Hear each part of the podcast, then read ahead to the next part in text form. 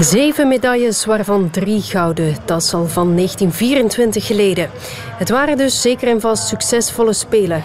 En wat dan gezegd van Nederland? 36 medailles. Daarmee staan ze zevende in de totale ranglijst. Dankzij sterke federaties dus. Maar wat betekent dat juist? Even topsportminded als de topsporters en de topcoaches zelf. En uh, heel snel kunnen inspelen. Innovatie in topsport, mentale begeleiding, voedingsbegeleiding, fysieke begeleiding. Dat moet allemaal op punt staan tot in de diepte. Je kan niks aan je lot overlaten. Dat was eh, twee zomers geleden na de Olympische Spelen in Tokio. We hadden het beter gedaan dan ooit. We waren bijzonder tevreden, behalve toen we gingen vergelijken met een vergelijkbaar land als Nederland. Die hadden dus 36 medailles. En dat is bizar. We zijn twee buurlanden, min of meer even groot, en toch lijken we de zaken fundamenteel anders aan te pakken. Ik zeg lijken we aan te pakken Nee, het is pakken aan. We doen dat anders, zo goed als alles. Dat is de vaststelling. En nu is er een boek over de vraag hoe dat komt. Auteur is Dirk Achten. Goedenavond, meneer Achten.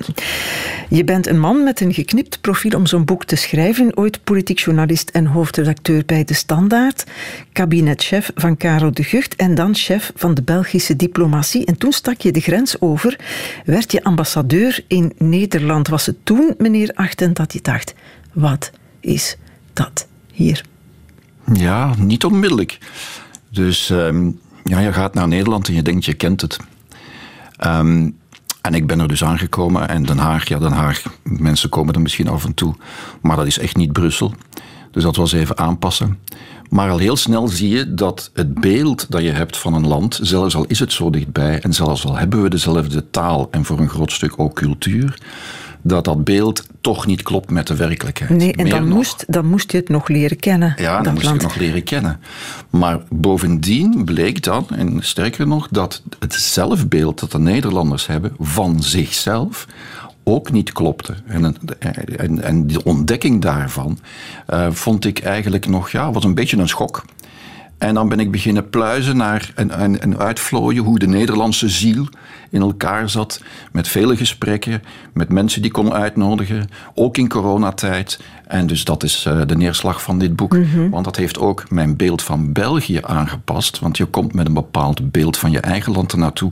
En door te kijken naar het andere land pas je ook het beeld van je eigen land tot aan. Het is een revelerend boek. Ik ga één vraag voor het einde houden, want anders voeren we een niet eerlijk gesprek, denk ik. De vraag of anders, verschillend, ook beter betekent. Hè? Eh, in het een slechter in het andere land dan. Of omgekeerd, waarbij ik ook niet zeg welk land dan welk is. We denken wel dat het in België slechter is, maar laten we dat op het eind van dit uur al dan niet concluderen, meneer Achten.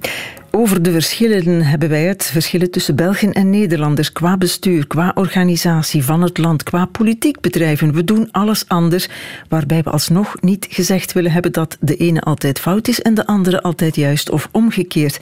Dirk Achten, jij kent de praktijk. Hè? Dat is interessant. Jij kent de gevolgen van verschillende zelfbeelden, van verschillende zielen en van verschillend bestuur in het ene land en in het andere land uit het dagelijks leven. Je geeft in je boek ook een heel mooi voorbeeld uit het dagelijks leven. Je rijdt vanuit Antwerpen via de A12 richting Bergen op Zoom. Ja. En dan? Ja, dat was in de winter. En dus uh, dat is uh, richting Bergen op Zoom inderdaad. En de grens is er. En plotseling, ja, je komt flink door elkaar geschud aan de grens. Hobbels en bobbels, putten erin. En dan is alles een zacht tapijt. En je glijdt Nederland binnen, waar alles perfect geregeld is. En elk grasprietje op zijn plaats staat. En dan stel ik mij de vraag, hoe komt dat dan? Ja, we uh, zitten intussen aan Nederland-België 2-0. Het sportbeleid was ook al beter. Ah ja, maar, ja, maar je moet niet altijd uh, één op één vergelijken. Want nee. er zijn 17 miljoen Nederlanders, er zijn 10 miljoen Belgen. Dus er zit wel een, een kwantitatief verschil op. En er kwam een maar na dat verhaal. Ja. Als je dan te lang in dat Nederland ja. zat, waar alles zo perfect georganiseerd is... Ja ja. Dan, heb je behoefte aan de warmte. Dan heb je behoefte aan wat meer. Ja, het is, het is op zichzelf ook soms koud. Uh, het is, het is een, een, een systeem, denk je. En, en, en alles wordt procesmatig, dus volgens dat systeem geregeld. En dan loopt het ook heel goed. Alles heeft zijn plek, maar er is geen plaats voor afwijking. Er is, en dan voel je je een beetje minder mens zijn, ja. omdat die afwijkingen er niet, niet aan te pas komen. Die worden eigenlijk niet getolereerd, die worden niet niet goed gezien. Het lijden van de schokdempers wordt in België dan weer een vaag detail. Als je die warme armen van de Belgen om je heen krijgt. Zo, schrijf je het. Hè? Dat ja, zo schrijf ik het. Ja. Dat was een beetje lyrische ontboezeming. Ja. Literair talent noem ik dat. Het is wel vind ik een uitstekend voorbeeld van de dingen die het dagelijks geluk bepalen van mensen. Het hangt daarvan af. Het welbehagen van een volk hangt af van hoe het land wordt georganiseerd en bestuurd. Ook, ook, maar ook hoe de mensen met elkaar samenleven en die dingen hangen samen. Dus het een is verbonden met het andere. Ja, maar, maar, maar het geluk en het vertrouwen in België zijn op dit moment niet groot. Nee. In de wekelijkse enquêtes van kranten en andere media blijkt het wantrouwen en het pessimisme zeer groot in België. Ja, en dat is niet nieuw. Dus uh, op een bepaald moment had ik zo het beeld voor mij. Stel je voor dat je voor een, een, een zaal staat met 100 studenten in Gent. En je stelt de vraag van, worden wij goed bestuurd? Dan gaan er onmiddellijk 90 handen van de 100 of meer op en ze zeggen nee, absoluut niet. En de ene die vindt dat dat nog wel meevalt, daar denken ze van ja, die komt net van Mars of zo, die heeft het niet goed begrepen. In Nederland krijg je zoals altijd dan in dezelfde zaal in Leiden, 100 studenten in Leiden, krijg je een grote discussie. Uh, dit en dat, huppel de pup. Maar op het einde komen ze ermee uit. Nou, we hebben de boel best op orde. En we zijn daarin eigenlijk bijna een voorbeeld voor de wereld. Ze hebben kritiek op hun land, maar we blijven toch een lichtbaken voor de rest van de mensheid. En als je dat beeld in je hoofd hebt, dan, dan conditioneert je dat om naar je land te kijken door een bepaalde bril. En wat ik dan op het einde van de rit zo'n beetje in het boek heb geprobeerd duidelijk te maken, is dat dat zelfbeeld niet altijd terecht is. Niet in het geval van België, Vlaanderen en ook niet in het geval van Nederland. En dat je dus toch een beetje correcties daarop ja, moet toepassen. Dus wij zijn de malcontenten, wij mopperen over ons land en over ons beleid. En de Nederlanders, zonder helemaal te veralgemenen, denk ik, zijn tevreden waar dat ook niet altijd hoeft te zijn. Want er zijn in Nederland ook zaken waar absoluut malcontent over valt te zijn. Hè. Ze, wij hebben misschien lelijker huizen dan zij. En die staan overal neergepoot. We hebben geen ruimtelijke ordening. Nederland heeft dat wel. Oogt veel mooier en properder. Maar mensen wonen er niet zo ruim. Nee. En het is in Nederland veel meer zoeken naar een betaalbaar huis. En ze wonen veel kleiner. Ja. En het, is, uh, en het is allemaal hetzelfde. Het is zeer uniform. Dus het is, uh, het is helemaal niet zo individualistisch als ze zichzelf willen voorstellen. En dus het, het beeld klopt niet. Um, dus dus de, de, de Nederlandse. voor hen is het nog moeilijker om te aanvaarden. Want als je een zeer positief zelfbeeld hebt, steunt je dat geweldig. Want ja, je, je hebt zelfvertrouwen. Je denkt elke keer zelfvertrouwen. En je denkt, wij kunnen dat, want we zijn de beste. Als je een negatief zelfbeeld hebt, dan is het elke keer, ja, we bakken er toch niks van. Dus een positief zelfbeeld helpt wel. Maar als er dan deuken inkomen, zoals die er nu ingekomen zijn met de toeslagenaffaire, waar, ze ook, waar we ook in België wat van gehoord hebben. Uh, als er deuken inkomen, zoals met uh, de, de boringen in Groningen, waar hele huizen, dorpen zelfs, beschadigd zijn door aardbevingen, maar waar ze zijn verder gegaan met, met, uh, met die gasboringen. En het systeem gaat maar door en houdt geen rekening met de mensen. Dan is het voor de Nederlanders zeer moeilijk om psychologisch toe te geven dat het niet de perfectie is en dat ze dus eigenlijk in, met een probleem worden geconfronteerd. Met andere woorden, dat ze niet zo perfect bestuurd worden als ze denken. Ja, dat ze hebben ook een opper-Nederlander die het daar ook moeilijk mee heeft. Die ook altijd zegt, wacht, ik ga het laten horen. Nederland is een ontzettend gaaf land. Ik heb me altijd een waanzinnige bofgrond gevoeld dat ik hier mag wonen. Dat is de minister-president. Dat is zeer bekend. Mark Rutte. Dat is geen toevallige quote. Hè? Nee. Dat zegt hij, wat zijn we toch een gaaf land. Wat zijn we toch een gaaf land. en dat zegt hij dus altijd. En, dus, en, dus, en waarom zegt hij dat? Omdat de Nederlanders dat denken. Dus hij weet dat ze dat denken. Dus hij bevestigt het zelfbeeld. En als je het zelfbeeld bevestigt, ja, dan ben je populair. Als je zegt, het, uh, zoals in België, enfin, ze zouden dat bij ons ook niet zo snel zeggen, maar kijk, het loopt hier voor geen meter. Ja, dan word je niet zo meteen populair, want je bekritiseert je eigen. Zeker in Nederland niet. Dus daar, daar wordt het echt als nestbevuiling aangezien. En dus voor hen is het zeer lastig om het zelfbeeld een beetje te laten dalen. En om toe te geven en te aanvaarden dat er dus correcties moeten komen. En dat ze dus een paar dingen te ver hebben gedreven. En dat ze dus af en toe uh, ja, in de muur zijn geknald. Omdat ze het niet wilden toegeven dat het verkeerd ging. Of het, het systeem verkeerd liep.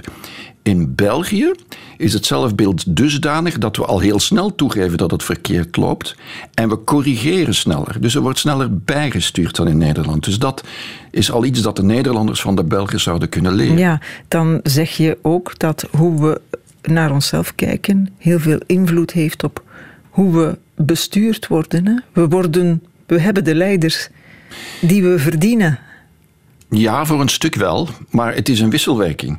Dus het is niet de kip en het ei, de, de beide zijn samen ontstaan. En dat is de geschiedenis, daar gaan we het nu even niet over hebben, maar dat is de geschiedenis zoals die zich heeft afgespeeld. Maar het, het zorgt er wel voor dat het zelfbeeld in België dermate, hoe zal ik zeggen, zelfrelativerend is om het, om het matig uit te drukken, dat, dat dat de mogelijkheid geeft om te corrigeren. Want we weten dat we niet perfect zijn, dus maken we fouten. En dus krijgt het gezond verstand kansen die het in Nederland niet krijgt. En dat is voor de Nederlanders dan wel heel moeilijk om toe te geven, maar ze zien het nu wel.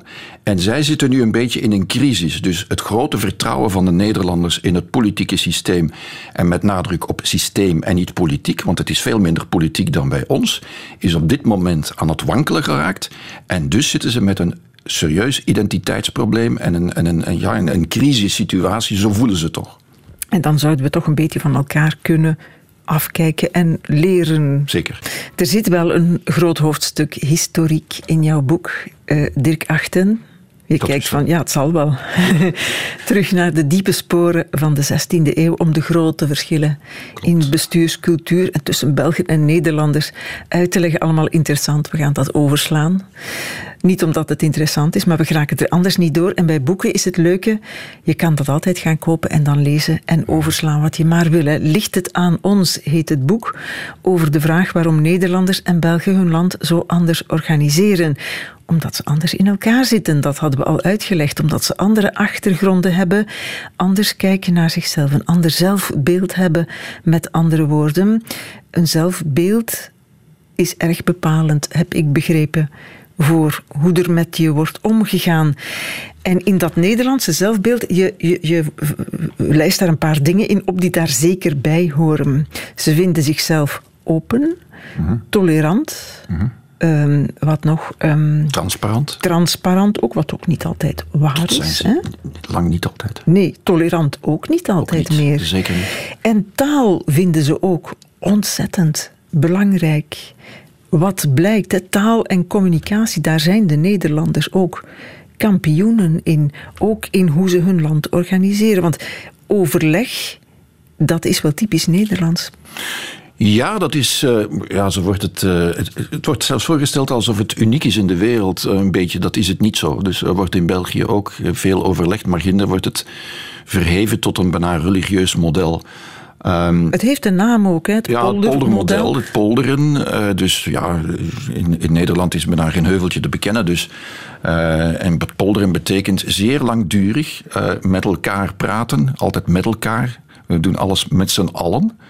dus in elke zin hoor je met z'n allen. Dus dan moeten we met z'n allen nadenken. Hoe je dat, hoe je dat doet, eh, is mij soms een raadsel. Maar dus met z'n allen praten over iets. Dat duurt ontzettend lang. Ehm, en dat is lang niet zo open als je denkt. Dus uh, een bedrijf heeft een idee van een reorganisatie. Dan worden de mensen bij elkaar gezet.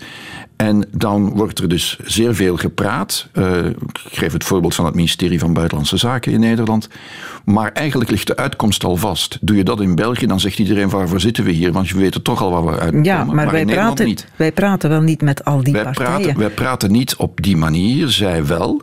En de bedoeling is natuurlijk dat door dat praten en dat iedereen zijn zeg heeft kunnen doen, en dat is het belangrijkste, kan niemand nadien zeggen van ja, maar ik ben het er niet mee eens. Ja, maar je hebt toch je zeg kunnen doen. En nu hebben we met z'n allen besloten om dat te doen. En dus het wordt in, in, in marmer gebeiteld en dus daar gaan we naartoe. Zo heb je een draagvlak gecreëerd. Ja, zo heb je een draagvlak, maar dat draagvlak is niet altijd even reëel. Dus heel veel mensen denken van ik ben het er niet mee eens, maar ze zijn wel mentaal, moreel verplicht om eraan mee te doen, want ze hebben hun zegje kunnen doen. Mhm. Terwijl in België, wij hebben ook behoorlijk veel overleg, maar niet met iedereen. Hè. Wel met, als het erop aankomt, in de politiek de uitverkorenen in een groep van tien en zo. Ja, maar er is toch ook wel, ook bij ons, vrij veel overleg. excuus, binnen bedrijven, ook daarbuiten.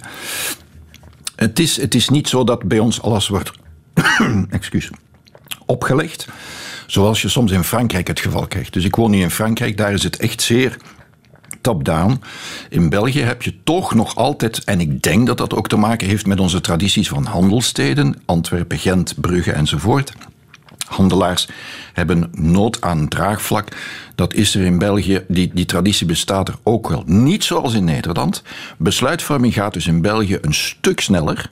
Eh, eh, in, in België een stuk sneller, inderdaad, omdat het politiek wordt gestuurd. In Nederland duurt het ontzettend lang.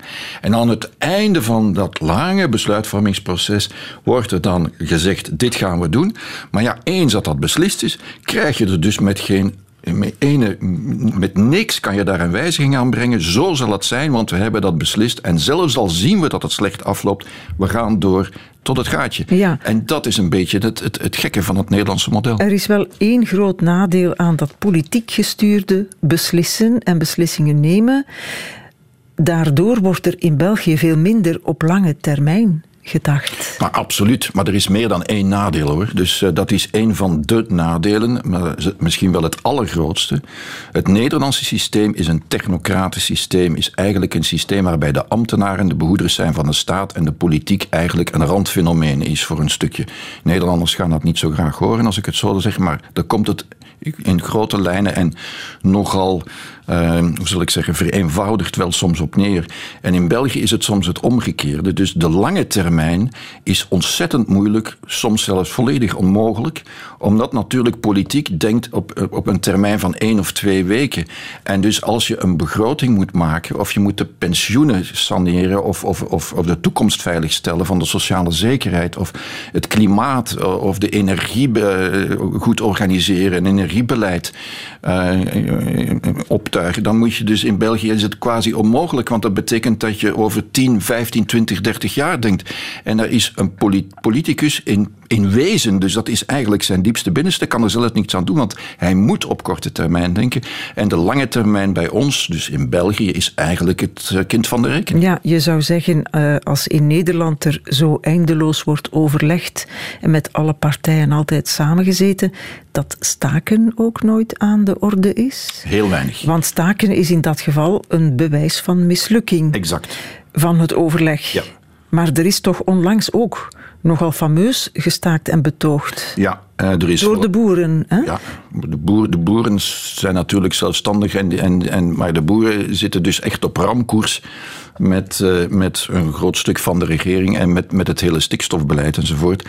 En dat is nieuw voor Nederland. Wat er nu gebeurt, die, die sociale onrust, het is, niet, het is niet alleen bij de boeren geweest, het is ook op bepaalde andere plekken geweest dat ze dus echt, voor hen is dat een schok. Dat is ook een van de grootste cultuurverschillen die ze vaststellen met België. In België wordt er zelfs preventief gestaakt, wat ik iets heel een bijzonder eigenaardig begrip vind. Want dat betekent dat je eigenlijk zelfs niet begint aan overleggen, maar dat je voor je met elkaar praat nog eens even gaat staken om te tonen welke macht je hebt. Ja, als je zo te werk gaat, ja, dan is het heel lastig om nadien eigenlijk samen te gaan zitten en samen te denken over wat gaan we doen met het land of met het bedrijf. Ja, maar zijn ze dat in Nederland dan een beetje aan het overnemen, nee, toch? Ah. Dat geloof ik niet. Nee, dat geloof ik niet. Nee. nee, nee, dit zijn scheurtjes in het systeem en dat wordt nadien wel gedicht. Want als ze dit gaan overnemen, dan, dan, dan tuimelt het hele poldermodel van de tafel en dan, dan wordt het heel lastig voor hen. Dat kunnen ze niet en, en dat, dat, dat zullen ze ook nooit doen. Dus daar voelen ze zich absoluut niet lekker bij, zouden ze zeggen. Dus dat, dat gaan ze niet doen. En, en zoals de Belgen misschien ook niet meteen het Nederlandse poldermodel gaan overnemen. Nee, want ik herinner mij Christophe Calvo van Groen, die zich ging herbronnen in Den Haag bij de fractie GroenLinks. En die vond dat overlegmodel toch ook niet zo ideaal. Hè? Die, die, die had het over doodknuffelen. Ja, zo is het een beetje. Dus dat is, dat is wat ik kom te vertellen. Dus, uh, dus als je het er niet mee eens bent, dan, dan mag je zo lang je zeg doen tot je, tot, je, tot je moe wordt. En dan zeg je van ja, nu geef ik het op, maar ik heb wel mijn zeg gedaan. En dan, dan op het eind zeggen dan die Nederlanders, ja, ik ben het er niet mee eens, ik heb mijn zeg gedaan, maar zo is het en, en, en gedaan. Dus je wordt letterlijk doodgeknuffeld. Ja, maar wel duidelijk compleet verschillende manieren om de dingen aan te pakken in België en Nederland. En het moment om uh, bestuur te kunnen vergelijken in België en Nederland en te kunnen zien wat nu het betere is, is op het moment dat er zich iets voordoet dat hetzelfde is, op hetzelfde moment in beide landen, en waarop allebei de landen zich niet hebben kunnen voorbereiden, dat moment kwam in 2020, in het voorjaar. Ze vliegen deze dagen ook in Dordrecht massaal over de toonbank. Dan heb ik het over mondkapjes. Die zouden moeten beschermen tegen het coronavirus. Op dit moment adviseer ik mensen überhaupt niet om met mondkapjes te gaan rondlopen. Als ik zeg corona, wat zegt u dan? Lekker biertje. Lekker biertje. Zullen we wezen hamsteren? Hamsteren? Voor het coronavirus? Nee, nee, nee. Het is gewoon eigenlijk gewoon een griep, alleen uh, ja, iets, uh, iets meer dan een griep. Maar, maar de normale griep vallen ook heel veel, uh, overlijden er ook heel veel mensen en veel ouderen. Het is een beetje onfair, dit fragment, want in het begin van de coronacrisis was er overal verwarring. Uh, wisten we in Nederland nog in België wat ons aan het overkomen was, maar het gestuntel bleef in Nederland wel langer duren, toch? Hè? En daar stonden de Nederlanders dan met hun overleg. En wij Belgen met ons korte termijn denken dat plots voordelen bleek te hebben. Ja, ja, inderdaad. Dus uh, lange termijn, daar hebben we het er net over gehad. Dat uh, leidt ertoe dat je dus de wegen goed kan onderhouden enzovoort. Maar dan plotseling gebeuren er dingen die niet in de planning stonden. En dan worden de Nederlanders hoogst nerveus, want dan weten ze niet wat gedaan. Want dat staat niet in de planning, meneer en mevrouw. Dus wat moeten we dan doen?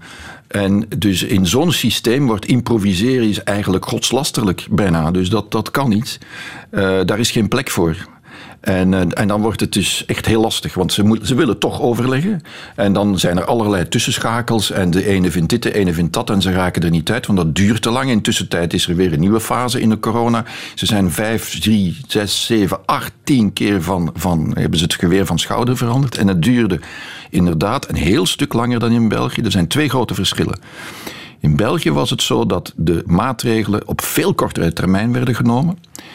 En het tweede is dat de Belgen eigenlijk in staat waren om sneller te leren.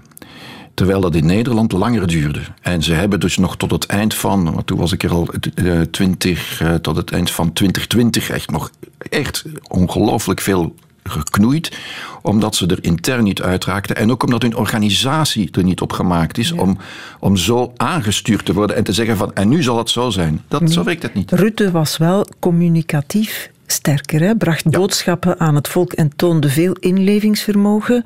Maar die boodschappen veranderden dan wel voortdurend, terwijl wij, hoor. Vandaag bevestigen alle simulatie ons dat de beslissing om de inperkingsmaatregelen te nemen noodzakelijk was. Deze grafiek van de universiteiten van Antwerpen en Asselt legt het heel goed uit.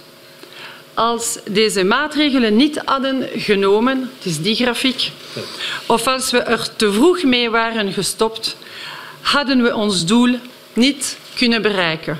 Dat was dat met die grafieken, hè? weet je nog? Ik weet er nog wat van. Ik was toen in, in Den Haag, ja. En, en ik heb uh, een, een, van die persconferenties. Ik heb ze allemaal bijna van Rutte gezien. En ik vond dat dat zijn modellen van communicatie. En als je dan. De, en toen was dat met uh, de privé milmes. Het hangt natuurlijk ook van de personen af. Maar dat was gestuntel.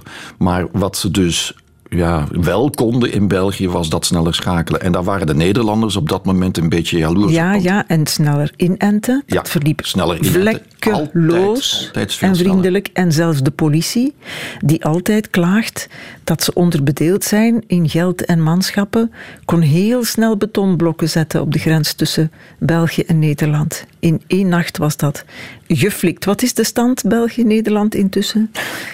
Oké, wat doen we nu met al die wetenschap, meneer Achten? De wetenschap dat Nederlands bestuur meer technocratisch is van aard, belang hecht aan planning, experts, overleg en regels en dat België, ja, dat daar de politiek te knopen doorhakt als het erop aankomt, toch? Hè? Ja. Die zich moet verantwoorden in het parlement. Ja, en dus uh, dan zou je op het eerste zicht zeggen, en daar zit dus veel waarheid in, dat het Belgische systeem in dat opzicht democratischer is omdat het beleid wordt bepaald door de politiek. En de politiek wordt, uh, hoe je draait of keert, en je kan er veel kritiek op hebben over de manier waarop dat gebeurt, maar de politiek wordt inderdaad door de kiezers bepaald die naar de stembus gaan enzovoort.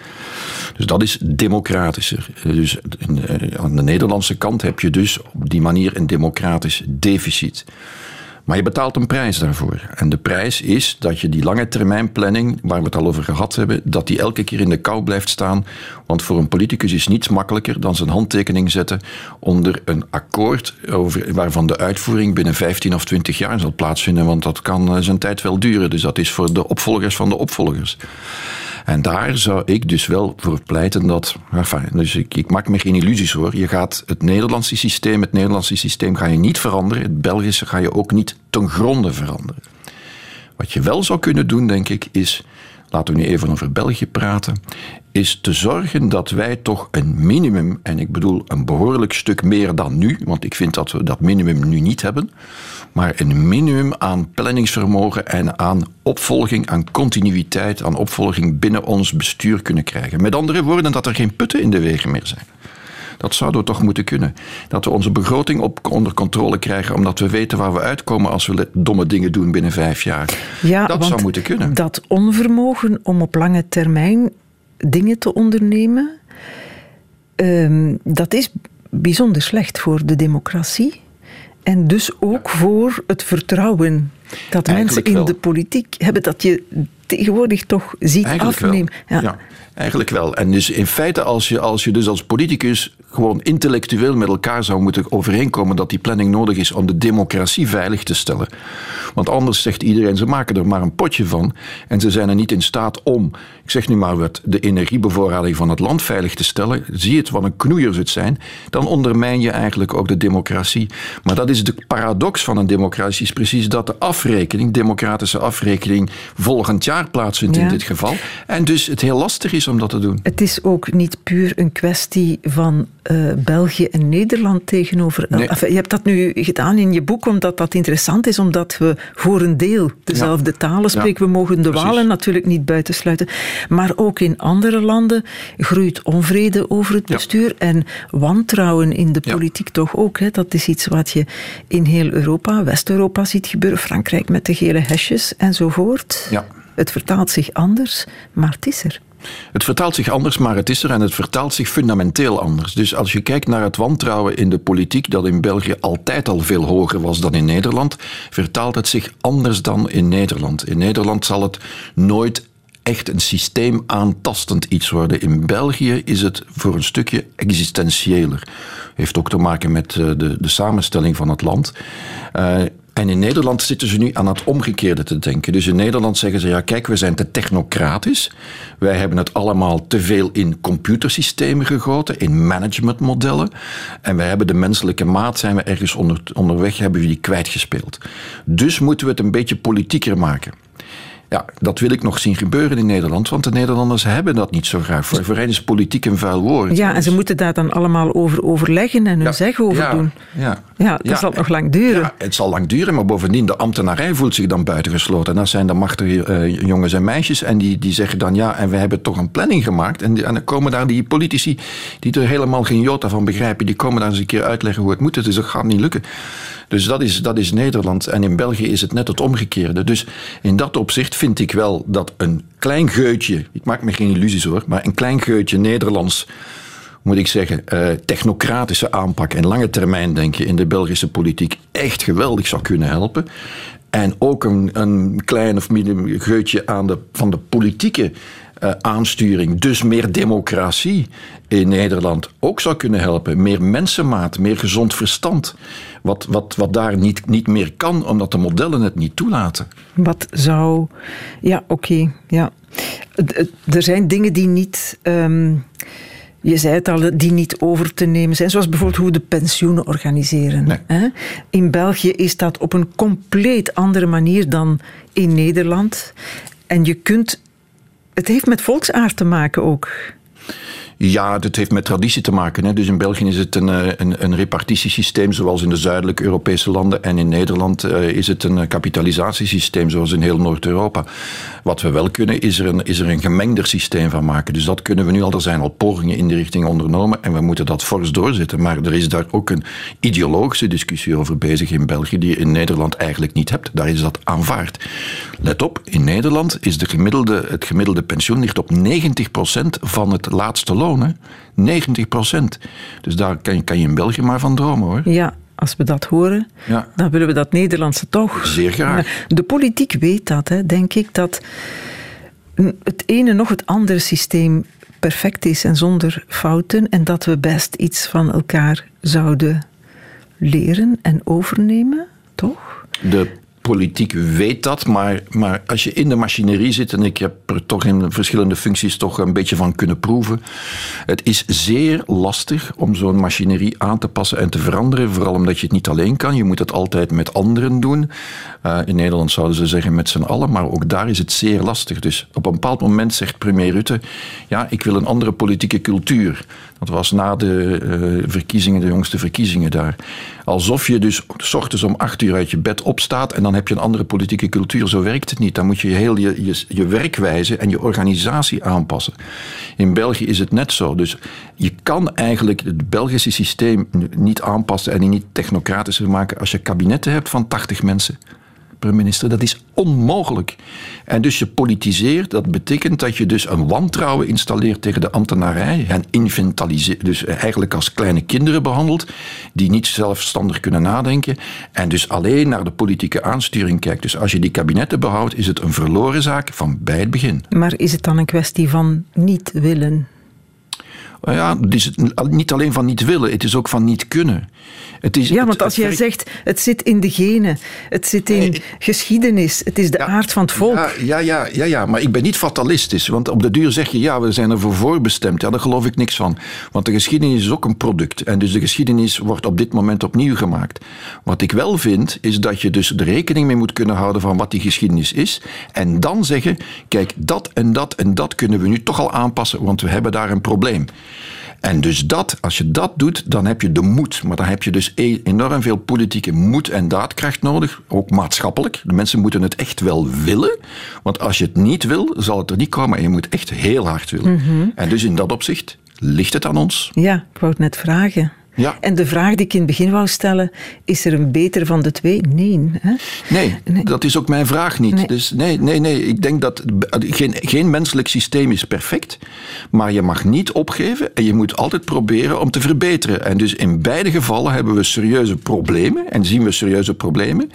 En dus moet zowel Nederland, vind ik, tot de vaststelling komen, ja, we moeten toch fors bijsturen.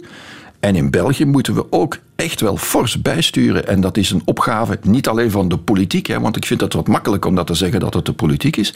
Maar we moeten het echt, om het op zijn Nederlands te zeggen, met z'n allen willen. Ligt het aan ons, onder andere? Is het antwoord ook ja, dus Ja. een beetje zeker wel. Ja, Dank je wel voor de komst, Dirk Achten.